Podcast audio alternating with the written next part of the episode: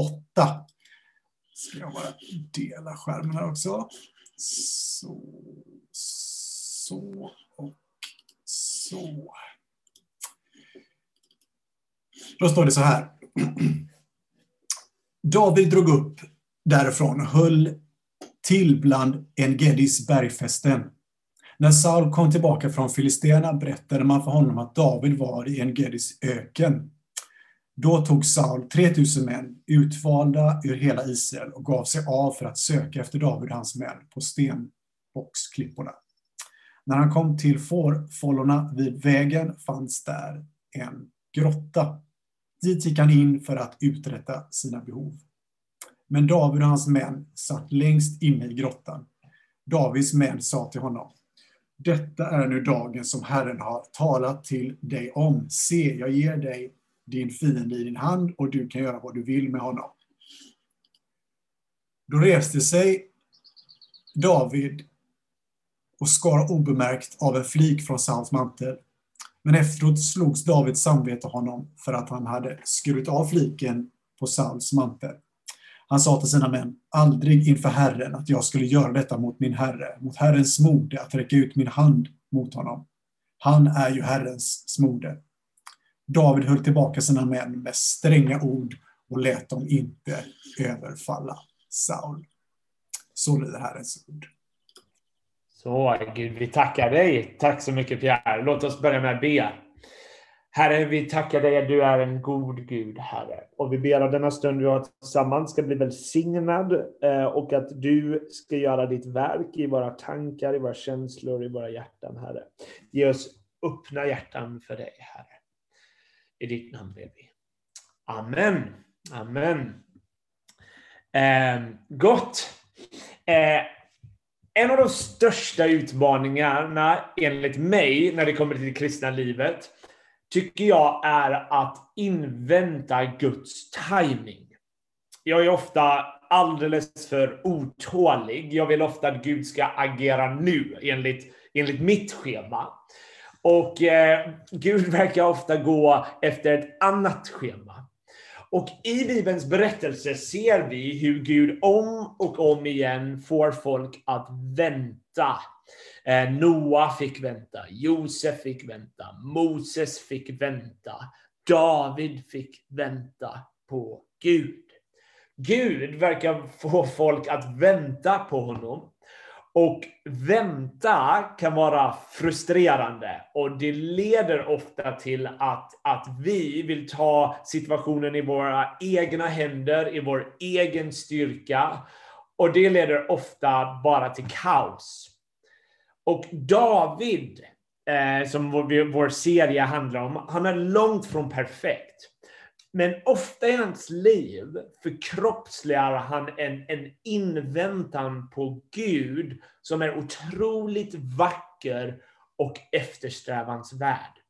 Så denna predikan, det kommer inte vara på en specifik text, utan jag kommer nämna små episoder ur Davids liv. Eh, så låt mig bara återberätta eh, berättelsen om David från början lite. Eh, så första Samuelsboken, som är boken vi, vi har läst ut, den börjar med att Guds folk får äntligen komma till landet som Gud har utlovat, eller de har, fått, de har börjat bo i landet som Gud har gett dem. Men folket har ingen kung. Gud hade sagt att en dag kommer de att få en kung, men Gud är deras ultimata kung. Men folket är alldeles för otåliga. De vill inte vänta in Guds timing när det kommer till kung, utan de tjatar på Gud, är missnöjda och säger vi vill ha en kung som alla andra nationer har. Vi vill ha den typ av kung här. Folket var otåliga och de ville inte vänta på Gud. Och Gud ger dem vad de vill ha en kung som alla andra nationer. Den typ av kung som de själva vill ha. Så de får kungen Saul. Och kungen Saul, han börjar lovande. Eh, han verkar vara en effektiv krigsgeneral och de vinner strider. Och det ser ut som att det här kommer sluta bra. Men det går ganska snabbt tills det visar sig att Saul är inte en kung efter Guds hjärta. Sakta men säkert så märker man att Saul är en nation som alla, eh, är en kung som alla andra nationer som var det folket ville ha. Och det är inte nödvändigtvis något bra. Så om man läser första Samuelsboken så märker man hur, hur Saul gör om och om igen saker som går emot Guds vilja. Och en fråga är frågan om timing. Han vill inte vänta in Guds timing. Så man, om ni läser berättelsen så kan ni se hur han försöker ta saker i sina egna händer och det blir kaos. Och efter en serie av händelser så, så förkastar Gud Saul som kung. Han säger Saul, du har varit olydig. Det betyder det här folket behöver en annan kung. Och för två veckor sedan så predikade Jakob om berättelsen då profeten Samuel kommer till den här unga, unga, otippade heden David. Och Gud säger han ska bli min kung, eller folkets kung här. Och, och han smörjs till att bli kung. Men han blir inte kung i praktiken då, även om han smörjs till att bli kung. Sanningen är att David kommer behöva vänta i 22 år tills han faktiskt blir kung i praktiken. Så David får ett löfte när han smörjs, att han kommer bli kung. Gud kommer ge honom detta rike. Han vet inte när. Han kanske trodde det skulle gå snabbt, han kanske anade att det skulle ta tid, vi vet inte. Och stor del av första Samuelsboken är berättelsen om denna inväntan av 22 år. Där man får höra rätt spännande, heroiska berättelser om David. Och han är inte fläckfri, men han är verkligen en man som älskar Gud. Han är en man som vägrar tillbe andra gudar och han söker sin styrka och hopp i Gud. Så, så förra veckan fick vi se klassiska berättelsen om David och Goliat. Eh, och, och, jag ska bara dela min eh, screen här. Eh, den här klassiska berättelsen. Och här får vi se den typ av modiga David som förtröstar på Gud. När han möter den här gigantiska Goliat så säger han, du kommer mot mig med svärd och spjut och kastspjut, men jag kommer mot dig i Herren Sebaots namn. Alltså hans styrka kommer inte från vapen utan ifrån Herren. Och, och anledningen David är så orädd är att han har en historia med Gud. Där han har varit, sett att Gud har varit med honom och Gud har varit trofast. Så han nämner specifika exempel om hur Gud har räddat honom tidigare. Så han säger så här, Herren som räddade mig från lejon och björn, han ska också rädda mig från den där filisten. Alltså Gud som har räddat mig tidigare, han är trofast och han kommer rädda mig igen. Så man ser då en David som förtröstar på Gud. Och det slutar med till och med att han får lära känna Saul och, och, och eh, börjar bli en av Sauls största generaler. Han gifter sig till och med med Sauls dotter. Och han vinner krig efter krig. Men Saul som vet att Gud har valt en annan kung börjar ana, är det här David? Och han hör om alla eh, Davids succé och vad som väcks i Saul är avundsjuka en typ av avundsjuka som verkar äta upp honom. Så det börjar med att han försöker döda David på rätt diskreta sätt. Men det misslyckas. Och man märker med tiden hur, hur den här avundsjukan håller på att äta upp Saul. Så han blir mer och mer desperat och försöker hitta sätt för att döda David. Och, eh, men han misslyckas om och om igen. Och här får David leva i en spänning med att Gud har gett honom ett löfte, men omständigheterna känns som, oj, hur kommer det här löftet gå igenom? Saul och sina arméer som är efter mig, eh, hur kommer Guds löften infrias? Och när man läser berättelsen om David så är han en människa. Ofta är han ett föredöme, han visar förtröstan på Gud. Men ofta det finns flera händelser där hans förtröstan eh, försvinner och där han blir rädd och orolig. Så låt mig ge ett dåligt exempel från Davids liv och ett positivt exempel. För jag tror de är lärorika på olika sätt. Så i första Samuelsboken kapitel 21, det, det är liksom ett kapitel där Saul är efter David och David är på flykt. Och han kommer till en präst som heter Amilek. Och prästen noterar att David inte har ett vapen. Och så händer detta intressanta.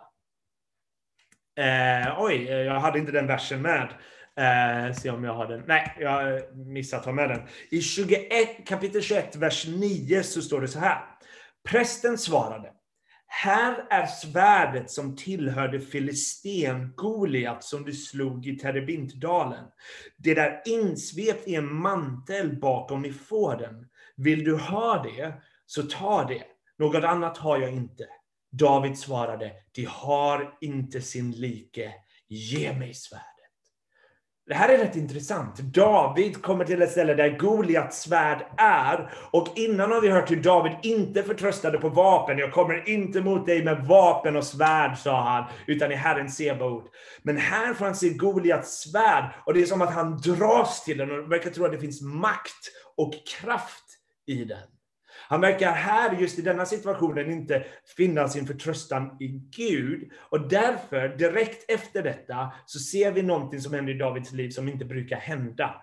För vad David gör är att han åker till en stad som heter Akish. Och intressant nog är det där Goliat var uppväxt. Det är Goliats stad. Och David går till den filistiska kungen. Den filistiska kungen känner igen David och säger, du är den där David, han som segrar många mer krig än Saul. Du är nog han som kommer bli kung framöver. Och då står det så här. David fäste sig vid deras ord och började bli rädd för Akish, kungen i Gat. Det som är intressant här är det här är enda tillfället i första Samuelsboken där David är rädd. Eh, och jag tror det handlar om att David har börjat förtrösta på annat än Gud. När han förtröstade på Gud var han helt orädd.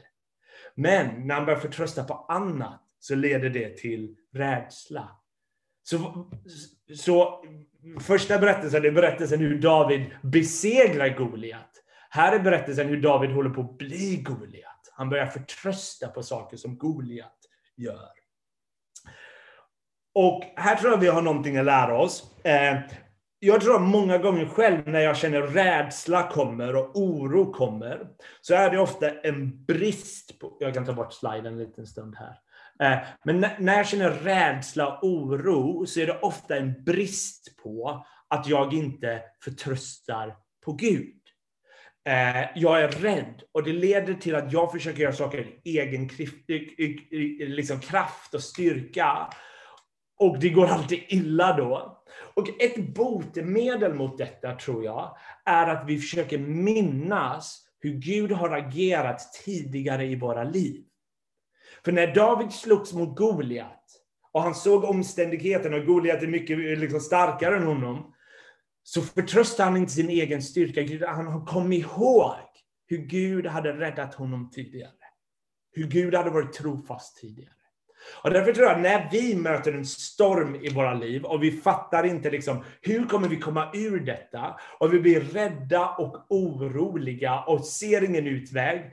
Då är det bra att försöka minnas hur Gud har agerat i ditt liv tidigare. Om du har händelser i ditt liv där du känner wow, Gud grep in.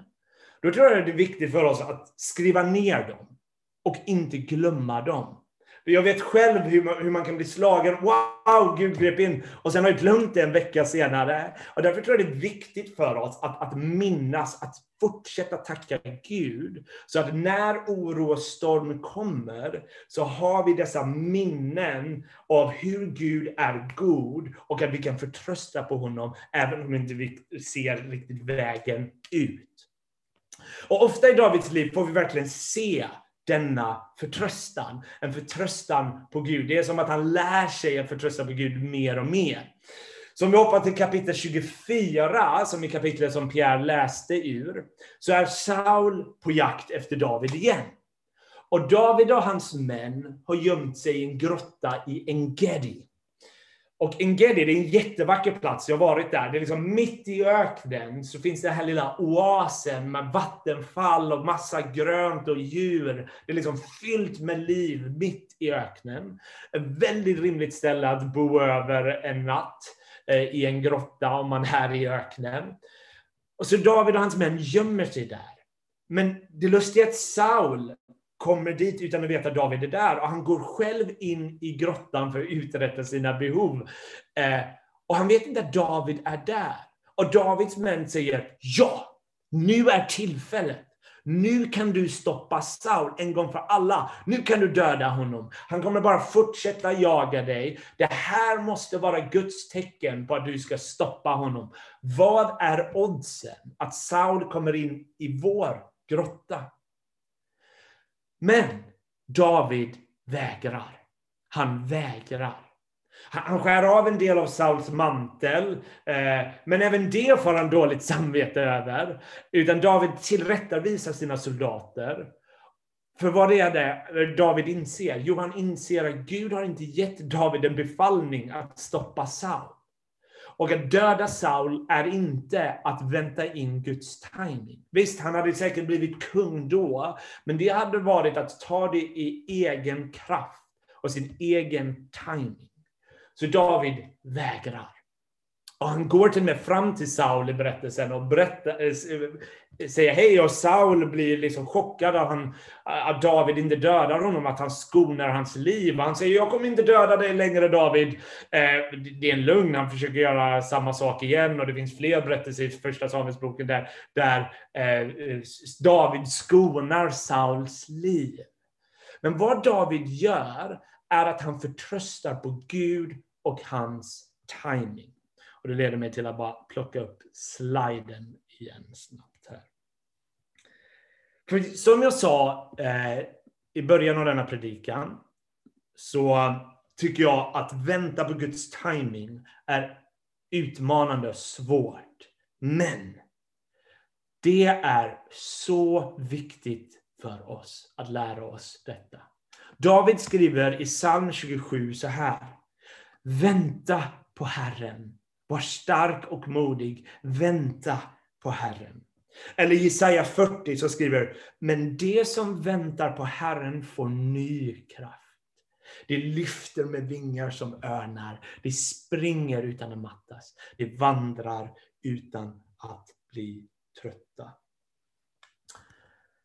Gud kommer kalla oss till att vänta på honom.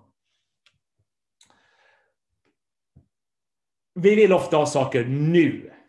Och Gud kallar oss att vänta. Och delvis så är vissa delar av våra liv kommer vi behöva vänta till hans återkomst. Det finns spänningar i våra liv som, som kommer få totalt befrielse när Jesus kommer tillbaka. Men många av Guds löften är tänkta att infrias i våra liv här och nu. Och Gud kommer ibland kalla oss att vänta på, tills vi får se detta. Kanske är det så att du har tydligt känt Guds röst om någonting, eller en kallelse över någonting, men du ser inte sakerna infrias. Du är i en kaossituation där du känner att Gud måste gripa in, men du ser inte vad, eh, att han griper in. Och då finns det ständigt en frestelse, tror jag, att vilja ta saker i sina egna händer. Att göra som Saul gjorde, att göra saker i egen kraft.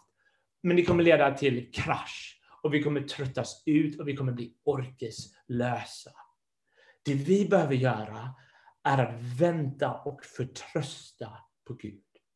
Och Det betyder att vi behöver styrka, vi behöver förtröstan, vi behöver mod, vi behöver uthållighet. Och det är inte enkelt. Men jag tror att, att i väntandet så gör Gud någonting med oss. Vi lär oss bland annat uthållighet. Och uthållighet pratar Bibeln en hel del om. Det, det är viktigt för vår andliga hälsa. Vi lär oss att förtrösta på Gud. Och därmed så tror jag att vi blir mer överlåtna och i det här väntandet så välsignar Gud detta. Jag har märkt själv att, att många av mina rädslor väcks. Är egentligen, alltså, roten till det är ofta en brist på förtröstan på Gud. Och det var viktigt för mig när mina rädslor kommer att jag, jag liksom kollar till dem och ser, eh, avslöjar dem för, för vad de är. Att de inte, det är otro, det är inte förtröstan på Gud. Och då har det varit värdefullt för mig att bara komma till Gud med, med detta. Herre, hjälp mig här. Min förtröstan är så svag. Hjälp mig med min otro. Och jag upplevde att Gud har svarat de bönerna. Eh, och jag vill bara uppmuntra eh, er samma sak. Och David, han, han brottades med de här sakerna länge. Det var inte som att varje dag var enkelt att förtrösta på Gud. Så i psalm 42 så talar han till sin egen själ och säger, varför så bedrövad min själ? Varför så orolig i mig? Vänta på Gud, säger han i psalm 42. Alltså han talar till sitt inre, till sitt hjärta, till sina rädslor och vill, vill talar profetiskt till sig själv. Vänta på Gud. Hoppas på Gud. För Gud är trofast. Han kommer ge allt vi behöver. Han kommer alltid ge en utväg när vi möter frestelser och utmaningar. För Guds löften kommer alltid gå igenom. Och eh, eh, bara, nu ska jag börja avsluta här, men David förkroppsligar denna förtröstan till Gud. Och han visar ett, an, ett annat sätt att vara människa. Till exempel i sin kärlek till sina fiender. Saul som gjorde Davids liv otroligt surt och svårt. Som gjorde att David inte kunde ha ett hem i många år och var ständigt på flykt. Mot denna Saul väljer David att liksom älska sin fiende. Han visar nåd. Han, han, han, gör, han tar inte revansch. Han lägger snarare i Guds händer. När vi blir felade så vill vi ofta hugga den andra. Men, men Bibeln kallar oss till att lägga det i Guds händer. Och detta sätt att vara människa är en skugga av vad Jesus visade. Jesus visar någonting ännu mycket större än vad David gjorde. Där Jesus inte bara skonar sina fiender, han dog för dem. Under tiden då folk spottade på honom, hånade honom på ett kors, så ber han de mest otänkbara ord på den platsen. Fader, förlåt dem, för de vet inte vad de gör. Jesus visade total förtröstan till sin fader i den mest mörka timman. Och Det betyder att när vi misslyckas att lita på Gud, så har han litat på Gud för oss. I andra Timoteus brevet 2 står det, är vi trolösa förblir han trofast. Så låt mig avrunda med detta då, innan jag ber här. Så det kan vara vissa här som lyssnar, som har svårt att lita på Gud. Svårt att förtrösta på honom. Och därför vill jag avsluta be för, för oss alla, att, att vi kommer ärliga inför Gud med våra sår, med våra förvirringar. Eh, ibland är det kanske för att vi har konstiga förväntningar och när det inte blivit som vi trott så blir vi sårade och vi skyller på Gud och vi ifrågasätter hans vishet. Och därför vill jag bara säga, Gud är god. Han är god. Och därför kan vi komma med våra rädslor och förvirringar inför honom. Och han är vår själs och kroppsläkare och kan hela sår vi inte kan se. Och om det finns någon här idag som, som tror på Gud, men vet inte om Gud bryr sig om en. Det är svårt att se hur Gud bryr sig om en, om det här och det här har hänt. Då vill jag bara säga att jag har bett för dig. Och jag vill bara läsa om Jesaja 40, för jag tror det är ord så fall för dig. Men det som väntar på Herren får ny kraft.